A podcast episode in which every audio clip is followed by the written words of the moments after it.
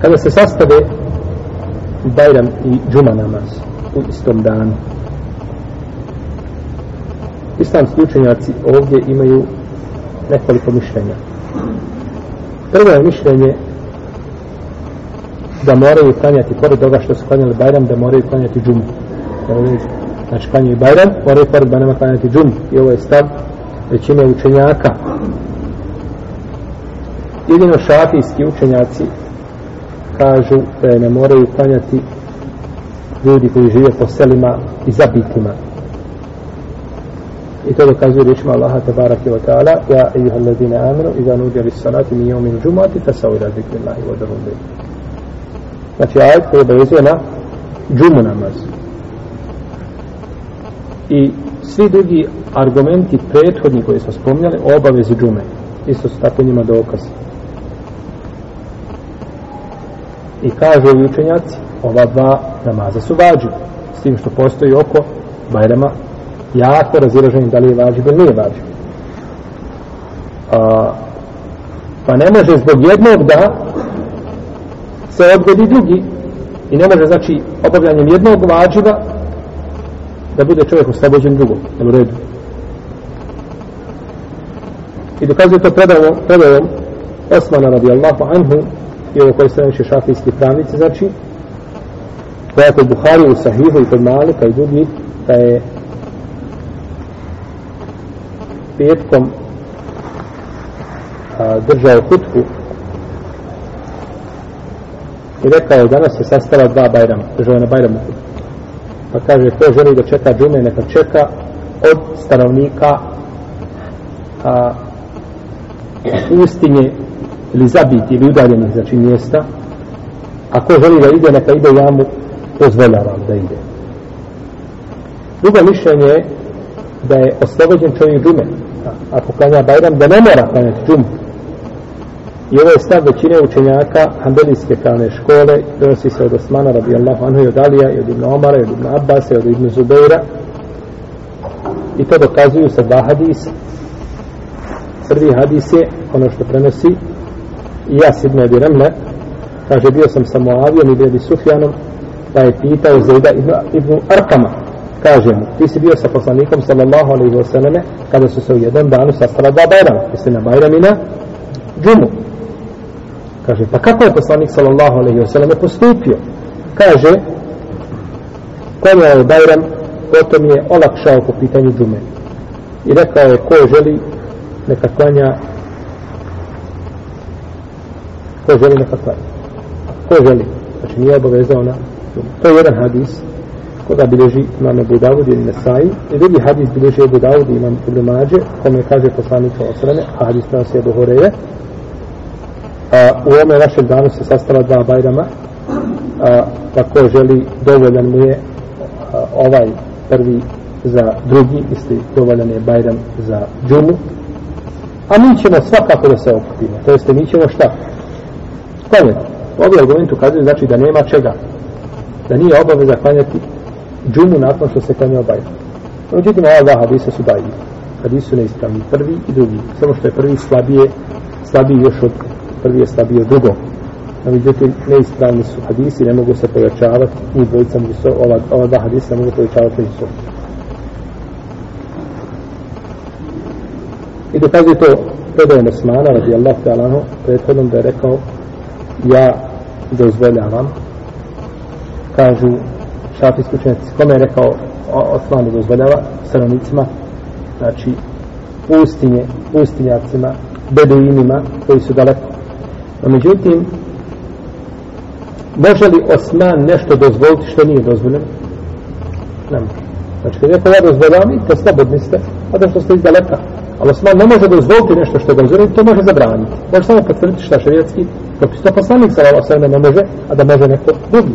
Ono što je dozvoljeno i zabranjeno, ne može znači mijeniti. On samo prenosi od svoga gospodara, Febarakja, od teana. I došlo je od Ata, kaže, klanjali smo sa Ibn Zubeirom, Bajram, petkom, da smo čekali džume, pa nije izišao da nam klanja. A Ibn Abbas je tada bio u taj, pa kada se vratio Ibn Abbas, spomenuli smo Šta je to ne izlazi? Kaže, sabe, sunne. Kaže, pogodio je sunnet. Ili radio je po sunnet. Da pa je došlo to do Ibnu Zubeira, pa je rekao, vidio sam Omar ibn Khattaba, kada su se sastala dva bajrama, postupio je kao što sam postupio, pa se je podao za postupkom koga? Omar radijallahu anhu i ovu predaju prenosi Ebu Davud i bilježi Ibn Huzeime i drugi sa ispravnim lancem prenosilaca.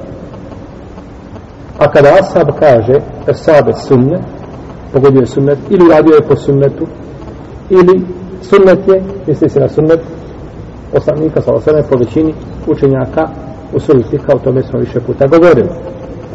I u jednoj ovoj predaji od Ibn Zubeira se navodi, koji bilježi Ibn Bešejbe koja je vjerodostojna, kaže se od Išama Ibn Urve, od Vehba Ibn Kejsana, da je Hišam rekao, pa sam to spomenuo Nafiji. Pa je to spomenuto kome? Ibn Omar, pa je rekao, Pelem Junkirhu, pa ga nije osudio. Vi znate da Ibn Omar znači ne bi nijedan sahaba prešutao. Ali ako niko ne bi prešutao, da ne prešutao ko? Ibn Omar. Kaže se da Ibn Omar osudio om, Osmanov šta? Drugi, odnosno prvi jezan koji je bio gdje na pijaci, ali tako? A da ne prešu, a da, a da znači prešuti bađib koji se ostavlja. I prenosi se od Evo Abdurrahmana Sulemija da se je tako znači sastao Bajram i da se zastali Bajram i Džuma vrijeme radi radijallahu anhu. Pa im je održao hutbu Bajramsku na Jahavic. Sa dede im pričao. Zašto nije sa Mimbar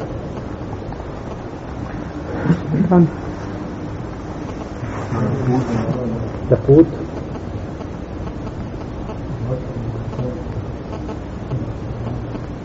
Znači, Bajram se kada gdje? Na Musan. Na Musan. Ma na Musan mimbar. Pa kad dođeš na Bajram nema namaza, ni prije ni posle, nisu džani. Gdje dođeš sjedneš. Pa je rekao o ljudi ko je od vas klanjao Bajram ne mora klanjati džume. A ko želi da klanja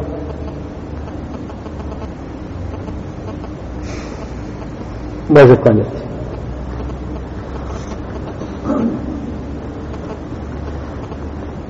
I kaže učenjaci, ne zna se ovima sahabima niko da je, znači, ko je oponirao njihovim riječima i postupcima. Da je suprotno rekao, mimo onoga što su oni šta kazali.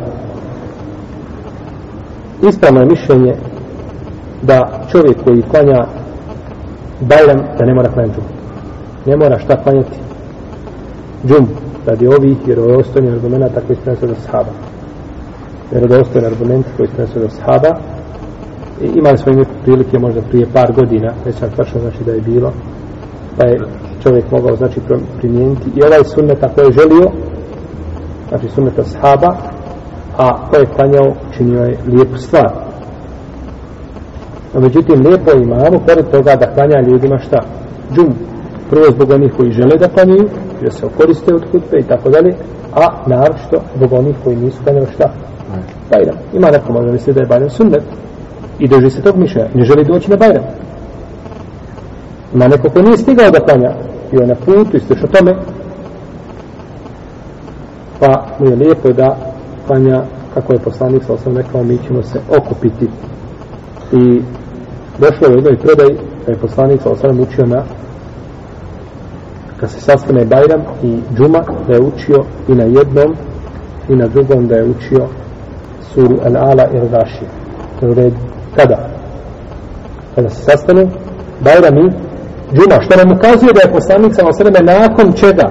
Bajram je klanjao Džum jer je tako došlo prvi kada se sastane? No međutim čovjek je klanjao Bajram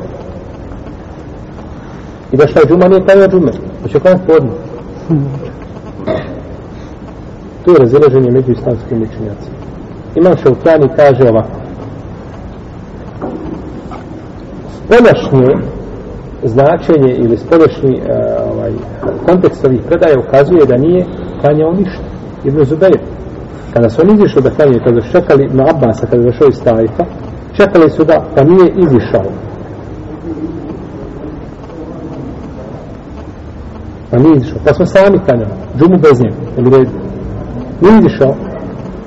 Nije izišao, znači. I ove predaje koje je spomenuto ovdje, kaže Imam Šaukjani, one ukazuju da se ne klanja džuma. A petkom je propisana džuma ili podne? Pa, petkom je propisana džuma. Petkom nema nešto zove podne. To je samo zamjena određenim skupinama ljudi. Ali petkom, znači, nema čega. Nema podne namaza. Pa je osnova da se petkom klanja džuma i nisi je klanjao zato što nisu je klanjali ko? Ashabi poslanika sallallahu alejhi ve sellem nisu obavezivali na nju. Sada hoćeš da klanjaš podne. To podne treba šta? Novi argument. To podne treba novi argument. Znači, da bi ovaj ponovo klanjao podne namaz, moraš imati dodatni dokaz koji te obavezuje da klanjaš taj namaz. A kaže ovdje nema dokaza. Koliko zna. Pa znači ne bi čovjek klanjao ništa šta do ikindije. Znači to klanja mm, Bajram i ne klanja džume ne klanja ništa do ikindije. Nema znači nema podne namaza. To je jedno mišljenje. Drugo mišljenje kaže da ima da se klanja podne namazi. To je mišljenje ispravno da se šta klanja? Podne namaz to je mišljenje ispravno. Jer niko od ashaba nije ovdje potvrdio da nema čega.